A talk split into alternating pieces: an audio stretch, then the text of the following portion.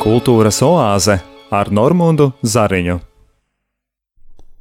Esiet sveicināti, cienījamie radio Marija Latvijas klausītāji! Ēterā laiks raidījumam Kultūras oāze, un ar jums sasveicinos es, raidījuma veidotājs un vadītājs Normons Zariņš. Klāt oktobris, pļaujas svētki, kad pateicamies Dievam par viņa dāvāto svētību zemē, cilvēku roku darbam un ražai, ko varam ievākt. Pļaujas svētki mūs mudina atcerēties trūcīgākus ļaudis sev līdzās un pateikties par savas dzīves nodrošinājumu. Mūsdienu sabiedrībā itin bieži izskan viedoklis, ka Latvijas laukiem šodien pietrūkst sakoptības un skaistuma, nemaz nerunājot par rosīgu sabiedrisko un kultūras dzīvi. Šīs dienas raidījuma viesis, populārais latviešu žurnālists, publicists un rakstnieks Ēriks Hānbergs. Dzirdēsiet pieredzes stāstus par gadsimtiem senām un bagātām tradīcijām, saimniekošanu Latvijas laukos, arī prasmi priecāties un svinēt svētkus, kas ļauj skatīties nākotnē ar gaišām cerībām.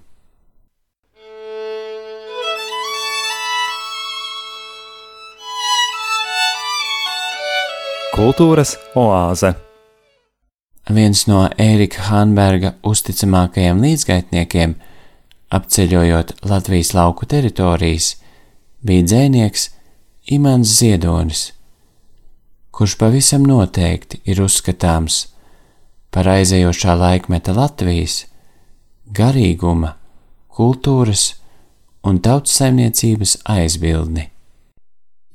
Jā, province ir mana vide, par kuras interesējos un kuras attīstība man visvairāk interesē Latvijā. Un es jau esmu vairāk kārt teicis, ka Rīga man atgādina tādu ļoti lielu, ģeniālu vai idiotisku galvu, kā nu to katrs ņem, un kuram ir tādas mazas tīzlas rociņas un mazas tīzlas kājiņas. Ir tikai liela galva, un vai nu tajā ir iekšā trakonāms vai zinātņa akadēmija Un tad vēl ir rokas un kājiņas klāt. Bet tas cilvēks ir kroplis. Un, ja mēs ar provinci nestrādāsim, Latvija neattīstīsies. Atbildot uz manu jautājumu par to, kā raksturojama Latvijas lauku dzīve šodienā, mīja darbojoties tautsēmniekošanai ar kultūru, Hanbergungs atbild ar veseliem trim piemēriem, iesākot ar stāstījumu par trubiņu ģimeni, un mazajiem rožu svētkiem Tukuma novada Sēmes pagasta rozītēs, kas šovasar norisinājās jau desmito reizi.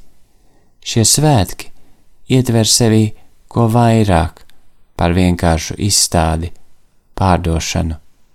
Tātad tur var iegādāties un par rozēm priecāties un sapņot. Un gadskārtēji šie rožu svētki pulcina ļoti daudz ļaužu no tos un tālas apkaimes. Un parasti notiek pusotra stunda koncerts, tāda mākslīgā uh, dīķa maliņā, ir tāda neliela estrādīte, un uzstājās mākslinieki, un šiem rožu svētkiem pat ir sava himna. Vārdus uzrakstījis ir Māra Zālīte, himnai muzikālo ietērpu veidojas Marts Kristiāns Kalniņš, un parasti šos koncertus uh, daļēji vada uh, Artūrs Krastīņš, vairāk mākslinieki dziedoši un runājoši ir, un šī atmosfēra ir, ir brīnišķīga. Ar šo piemēru es uh, raksturoju pašreizējās lauku lielsaimniecības un mazsaimniecības, kuras pulsina lauku kultūras ritmu sadarbībā ar novadiem, tātad ar šiem bijušajiem novadiem, un tagad droši vien šī sadarbība turpināsies arī ar lielajos novados, un ka, piemēram, arī šajos rožu svētkos piedalās gan, gan sauksim par agrākā pagasta pārvaldes pārstāvi, gan novada priekšsēdētājs un citi darbinieki. Tā kā šī saimniecība ko pulsina Daila un Bruno, eh, daudzina novadu Latvijā, un savukārt novads, novada vadība daudzina šo saimniecību, kad pie viņiem atbrauc ciemiņi. Gan no Latvijas, gan ārzemes ved uz šo saimniecību rožu daudzināšanas lauku sētu. Un šī gadskārtējā tikšanās cilvēks, tāpat kā akumulators, uzlādē ar enerģiskumu, šo laba garā stāvokļa enerģiskumu. Man laimējās eh, būt līdzdarbīgam un veidot grāmatu amata tecēs arī aizparīt, par līdzšinējo amats novadu, ko ilgstoši vadīja Elita Eglīte. Un mēs vienojāmies šo grāmatu veidot eh, vienā tecējumā, tāpat kā amata straume, te, tā arī šī sabiedrība vienā ziņā ir kā upes tecējums, visu laiku kustībā, lai uzturētu sabiedrību sevī labu garastāvokli. Un šī grāmata arī šādā veidā man laimējās eh, rakstīt, sakārtot kopā ar sabiedrības pārstāvjiem, ka katrs no cilvēkiem šajā grāmatā pauž nelielu informāciju par notikumiem, vai parādībām, vai cilvēkiem, kas, kas uztur laba gara stāvokli uh, amatas novadā. Un tieši tāpēc, ka šī novada vadītāja Elīte Eglīte vairāk kārt bija ievēlēta, tāpēc, ka viņa jebkurā situācijā meklēja un aicināja savus līdzpulsinātājus, kā var jebkuram cilvēkam radīt labu garu stāvokli, un tiklīdz viņam kaut kas, kāda ķibeli, jebkas, vai viņš raud, un tā kā pat Elīte Eglīte teica, mēs varam arī palikt nikni, izplosīties, bet pēc tam atkal salikt mieru, izsmieties un dzīvot tālāk, lai nepaliek nekādas mielas, lai, lai visu var izrunāt un lai Ir tikai atsevišķi gadījumi, par ko ir skumji, ka ir tādi cilvēki, daži, kas pilnīgi norobežojas no visa un noliedz. Nu, sabiedrībā ir dažādi cilvēki, arī amats novadā, bet kopumā par visu valda labs garastāvoklis. Un, es vairāk kārt šajā grāmatā pieminēju, un sabiedrība vienmēr atcerās arī, ka viss. Uh, sarežģītākos situācijās un ar skumju un dramatiskos brīžos ir jāatcerās Melija, Melānija Vanaga, kura izgāja Sibīrijas ceļus. Un kad es ar Melāniju Vanagu savā laikā iepazinos, kad es pirms 30 gadiem rakstīju par šo mazo novadiņu, kad toreiz vēl nebija šāda novada, bet valsts saimniecība kad es iepazinos ar Melāniju Vanagu, kura bija uh, bijusi vairākus gadus Gāne un vienlaicīgi uh, meklēdama dzimtu vēsturi, uzrakstījams grāmatu, grāmatas manuskriptus, un tā, kad es viņu iepazinu, cilvēks, kas tik milzīgi daudzi pārdzīvojis, zaudējis visu, atgriezās no Sibīrijas, ganīja govis un uzturēja optimismu sevī un sabiedrībā. Tas ir tas apbrīnojamākais.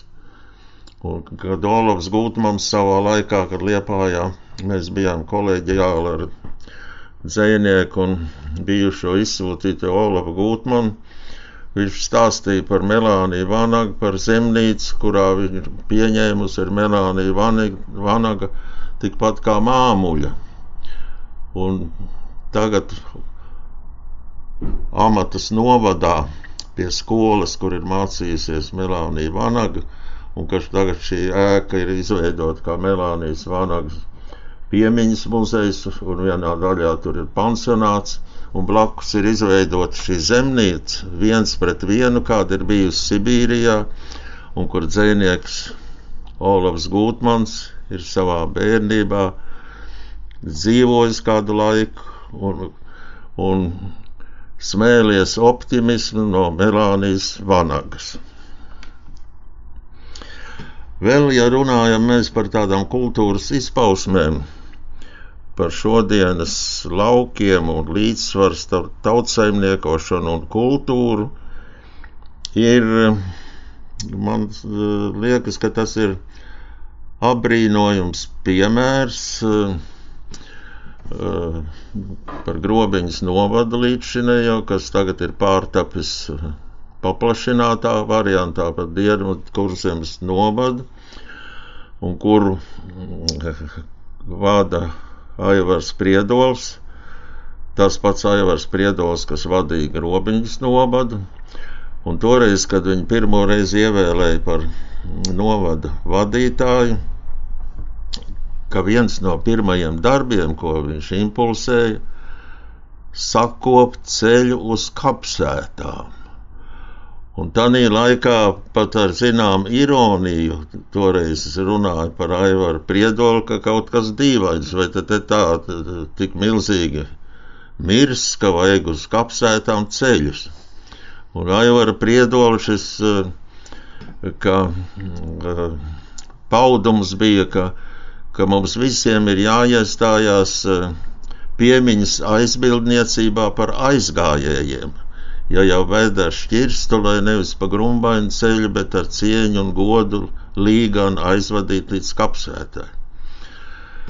Grobiņas novads bija viens no tiem, es neesmu statistiski pētījis, kas iedibināja tādu posteni kā kapu pārvaldnieks. Un šādi kapu pārzinātāji vai pārvaldnieki, es nezinu, kā nu kurā novadā dēvē, ir arī citur. Un kāpēc ir vajadzīgs?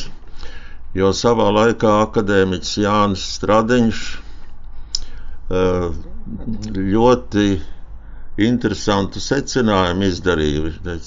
Katrā kapsētā var redzēt, kā ir saplosīta mūsu tauta, jo ir kapa kopiņas, kur nav vairs kas kop. Tātad karš, izsūtījumi, Un gadiem ejot uz priekšu, arī šī veidošanās padomu laikā no viensētām uz ciematiem, un gadiem ejot vēl uz priekšu, arī tagadējos laikos, kad veidojās lielsaimniecības, kad daudz ir aizceļojuši darba meklējumos uz ārzemēm, ka paliek aizvien vairāk nesakoptas kapu kopiņas. Es savā laikā paudu gan radio, gan presē aicinājumu, ja, ja cilvēks kopi savu tuvinieku kapu kopiņas, ja katrs no mums Latvijā kopdams savu tuvinieku kapus vēl paņemtu klāt kaut vai vienu kopiņu, Latvijas kapsētas taptu daudz sakoptākas. Taču vairākos novados, kā es pieminu arī šo grobiņas novadu, ir iet tālāk, ka pašvaldības uzņemās jau šo kapsētu aprūpi. Un līdz ar to lauku kapsētas kļūst sakoptākas, pateicoties tam, ka, ka novada jau eh, sistemātiski uh, uzņemās piemiņas aizbildniecību par aizgājējiem.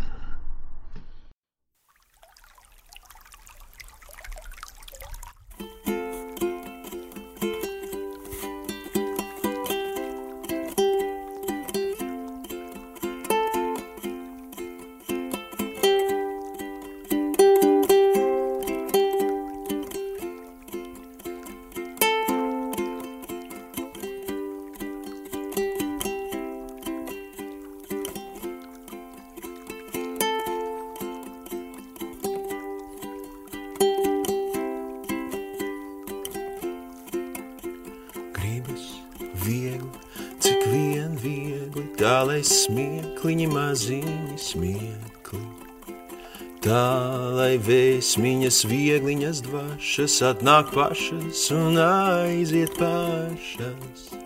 Pieskarties viegliņām, klusi klusītiņām, pasaulē apstāsies brīd pa brītiņām. Pasaulē patīk, ka viegli iet, pieliec man, pieliec roku mazliet. Pieliec man, pieliec roku mazliet. Pieliec man, pieliec roku mazliet.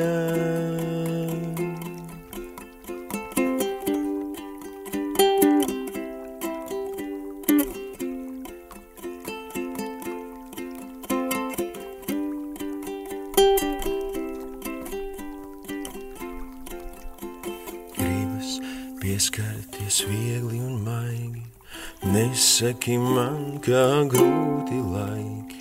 Nesaki man, ka grūti laiki, gribas pieskarties viegli un maigi.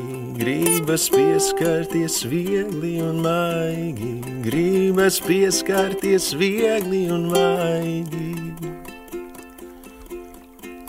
Pieliec man, pieliec man roku mazliet, pasaulē patīk, ka viegli iet. Pieliec man, pieliec man roku mazliet, pasaulē patīk, ka viegli iet.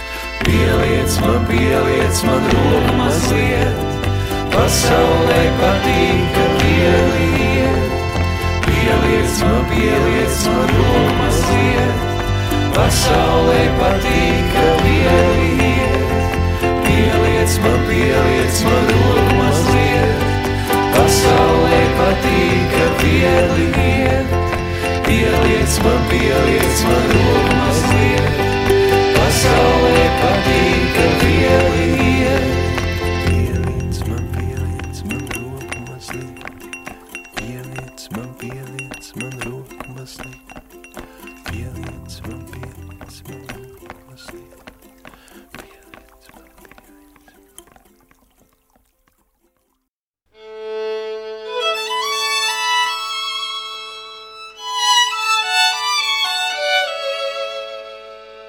Ēterā kultūras oāze.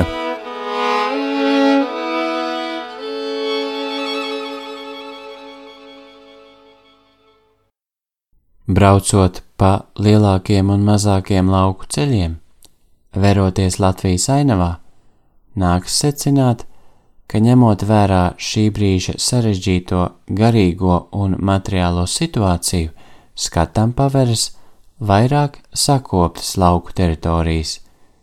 Priecē, ka Latvijā joprojām ir indivīdi un ģimenes, kas turpina mūsu bagāto tautsaimniekošanas tradīciju ar visām tās izpausmēm.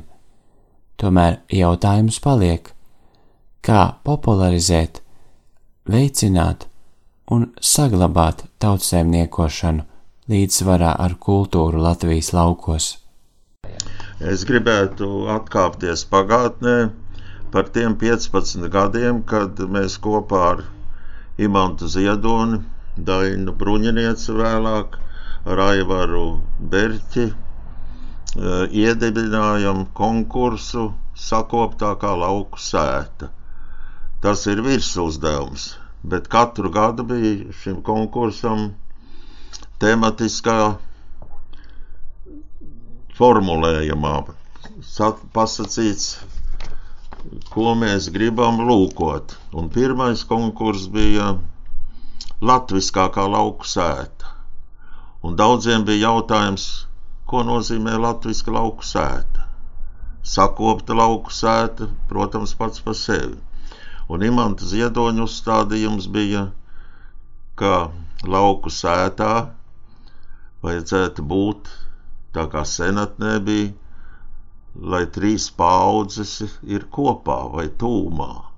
Un man nāk prātā, ka manai tantei, ātiņa tantei, eh, kas bija tuvu radiniece manai mammai, ka bija šī lauku sēta savā laikā un dzīvojamā māja, kur bija, nu, teiksim tā, saimnieku gals, tagadējo saimnieku.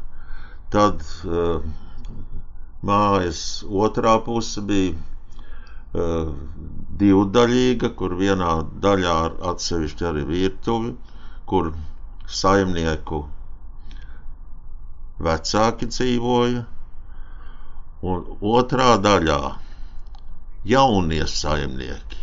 Tā tad trīs, trīs uh, paudzes vienā lielā mājā, un pa vidu bija liela ēdamistaba, lai gan katrā no šīm daļām bija virtuvīts un ēdamistaba, ne, bet viena, kur var visu šīs paudzes sajiet kopā.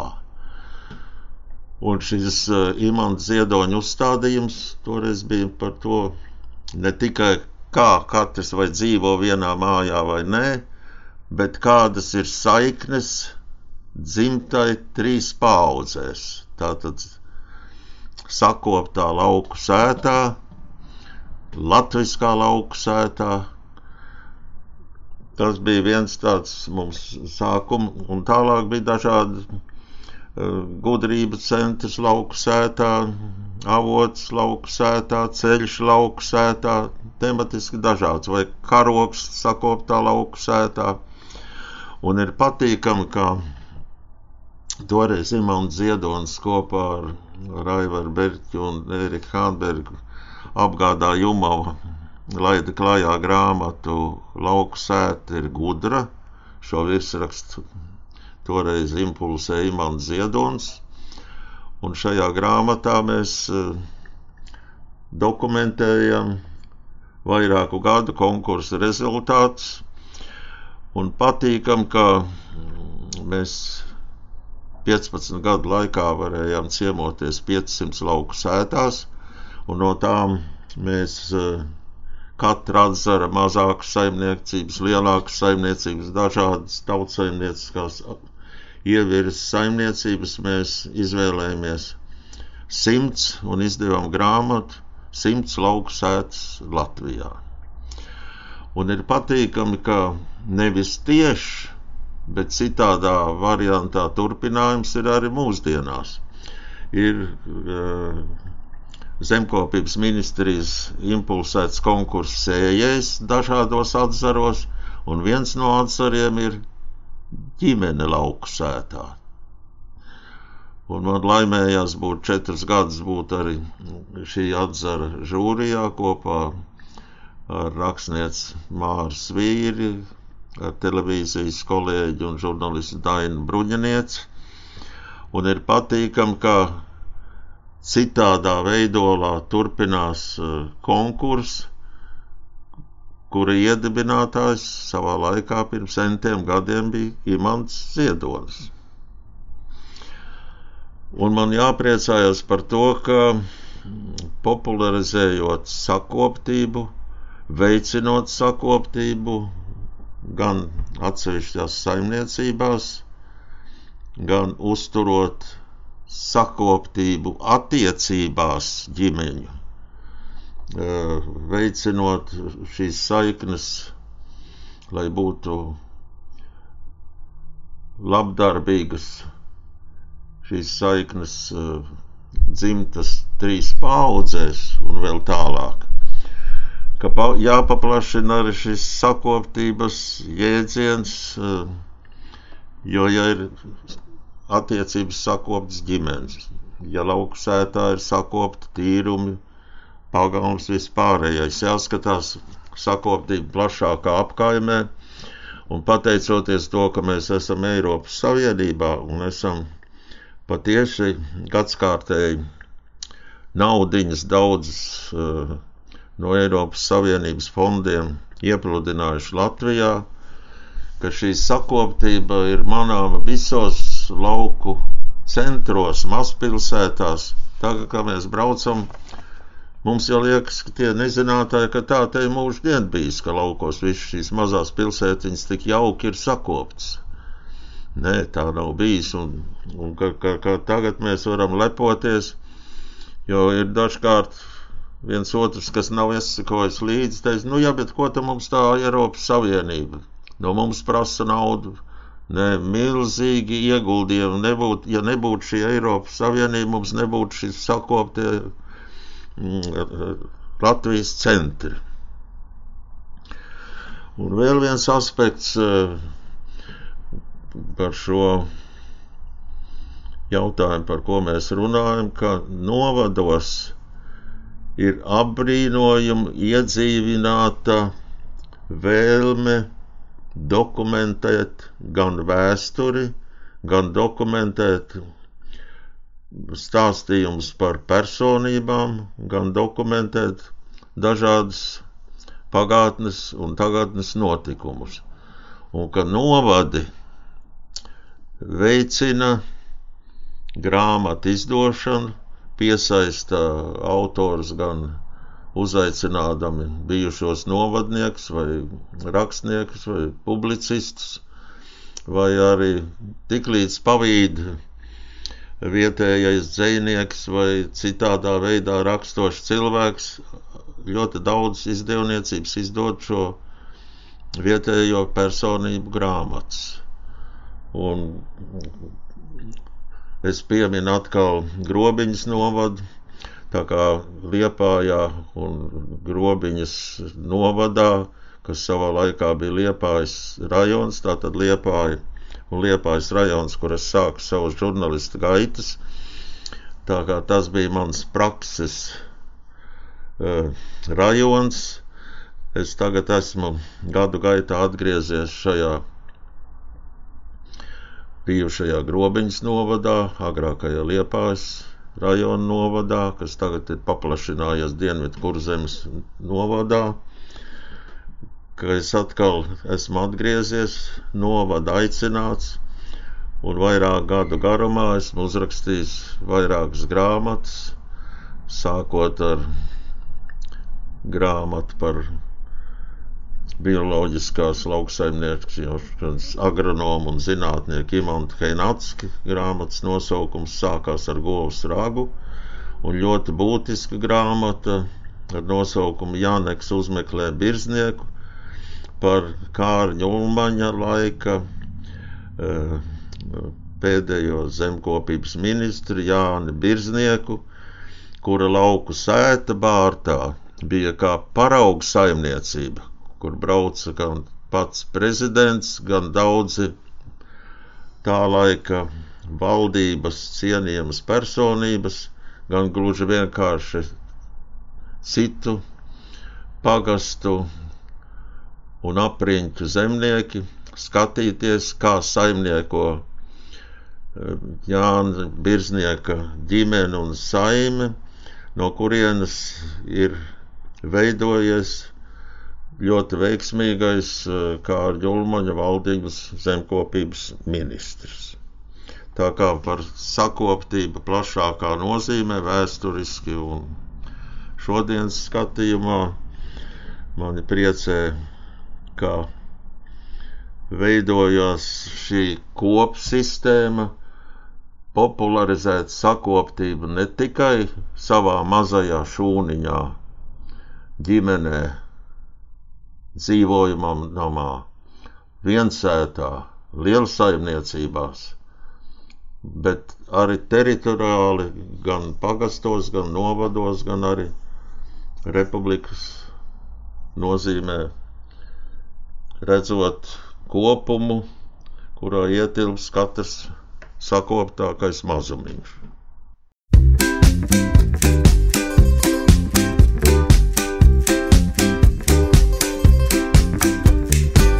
Ir saule, debesis un maize, un maize, maize aprārūkst.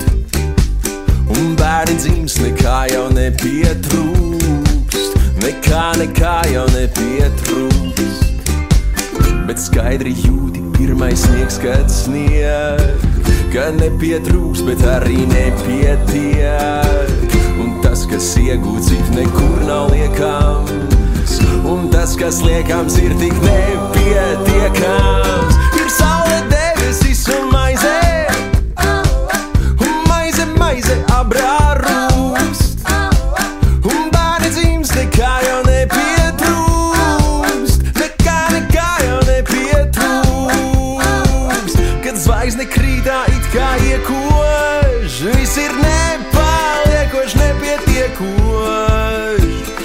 Zvaigzne krītā it kā iekoš, viss ir nepaliekoši, nepietiekoši, viss ir nepaliekoši,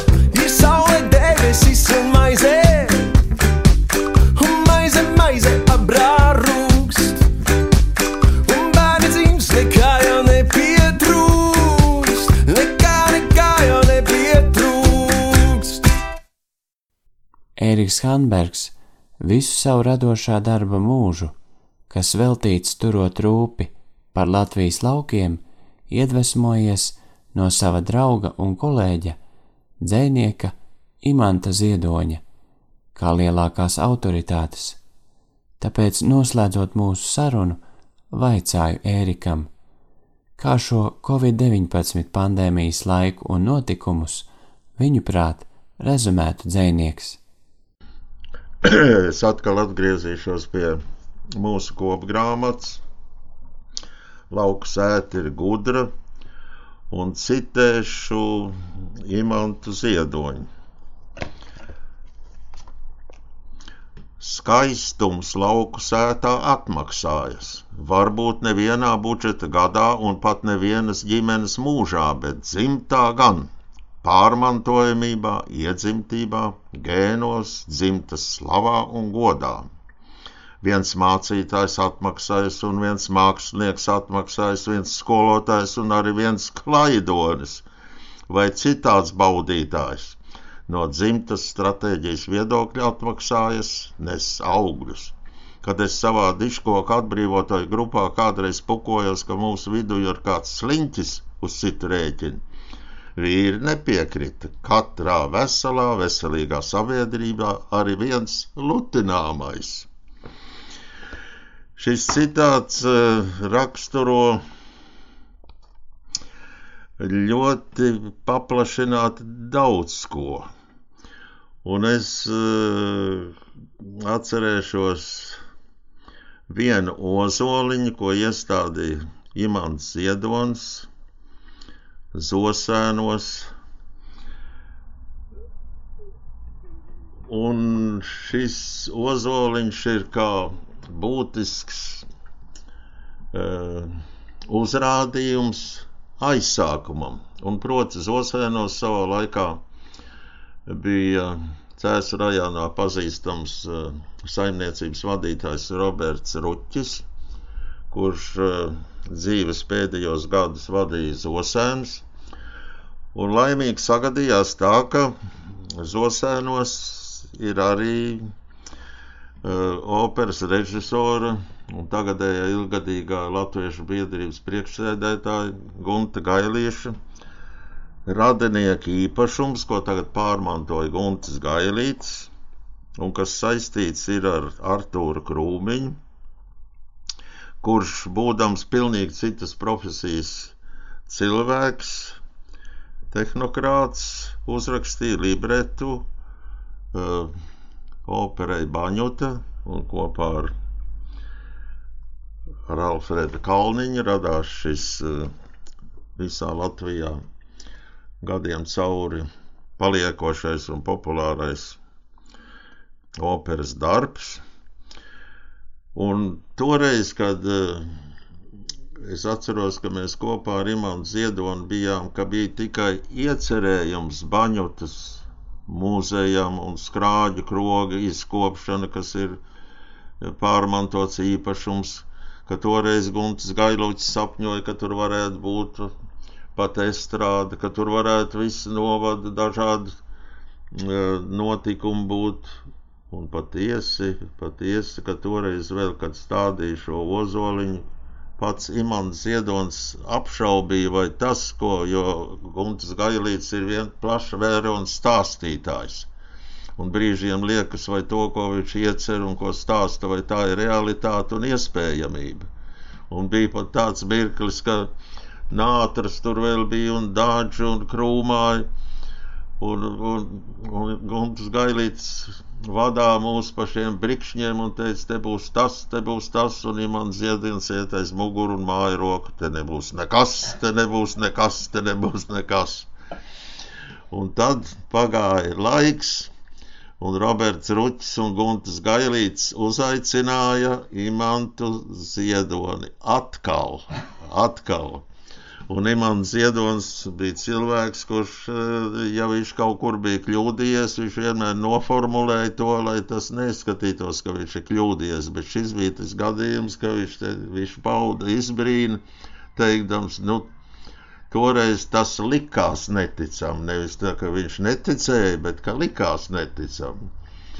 Un tagad, kad ir šis baņotas muzejs, ka pirms centiem gadiem mm, radās šī, šī estrāde, ka tur bija uzvedums baņotas. Un pārvarot savu iedzimto kautrību, es varu palepoties, ka šajā estrādē man pasniedza ķenča balvu, skulptūrālu ķenča veidojumu eh, strupuļu izpildījumā mākslinieka Eh, par, eh, par omulīgi nopietnām un nenopietnām manām literārām izpausmēm, dokumentālajā prozā un, un stāstos. Un sagadījās tā, ka tajās saulgriežu svētku sarīkojumā viesojās arī Vairvīķa Freiberga, un viņa pasniedza man šo balvu. Jūs iedomājieties, ka visu mūžu man tas paliek prātā šis, šis pārdzīvojums. Un to, ka šī zosēnu vieta ir tik ļoti sakopta un ka tagad nemitīgi tur dažādas pulcēšanās notiek, e, ka Vairvīķa Freiberga, kā Budām prezidenta, trīskārt brauca tur uz Jāņu svinēšanas, cik viņai iepatikās šis, e, šis zosēnu un Gunta Gailīša un viņa ģimenes un, un, un daudzu līdzdarbinieku veidojums, kas šobrīd ir vesels komplekss. Un tas iet eh, tālāk, un Imants Ziedonis droši vien teiktu šodien aizbrauciet pie Gunta Gailīša uz Sosēniem un apskatieties, ko tur var, ja grib izdarīt. Dzīve logā klauvējās, brālus maiņās steidzās, nāk jau klāt jau trešā brāļa laiks. Nāk jau klāt jau trešā brāļa laiks.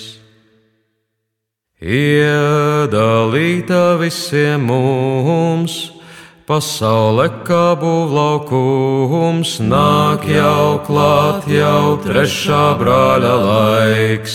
Nāk jau klāt, jau trešā brāļa laiks.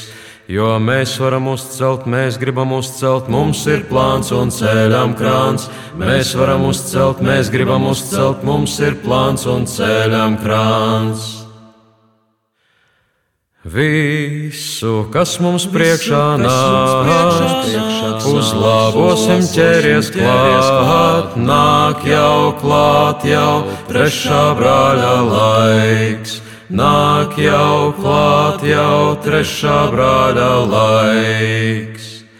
Sliņķis, blēdis, liekēdīs, nesanāks mums kompromiss nāk jau klāt, jau trešā brāļa laiks. Nāk jau klāt, jau trešā brāļa laiks, jo mēs varam uzcelt, mēs gribam uzcelt, mums ir plāns un ceļam krāns.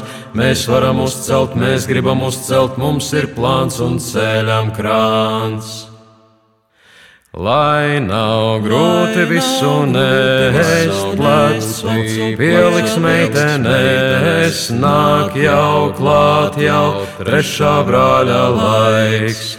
Nāk jau klāt jau trešā brāļa laiks. Rītos darbus sarausim, vakar skolu pabeigsim, nāk jau klāt, jau trešā brāļa laiks. Nāk jau klāt, jau trešā brāļa laiks. Dārgais radio Marija Latvija klausītāji! Šīs dienas raidījuma laiks ir aizritējis. Paldies par kopā būšanu! Uz sadzirdēšanos novembra mēneša 3. otrdienā, pulksten 17. kad tiksimies ar ilgadējo izcilo Rundāles pils muzeja direktoru, mākslas vēsturnieku, restaurātoru, gleznotāju, vairāku grāmatu autoru un sabiedrisko darbinieku Imantu Lansmani.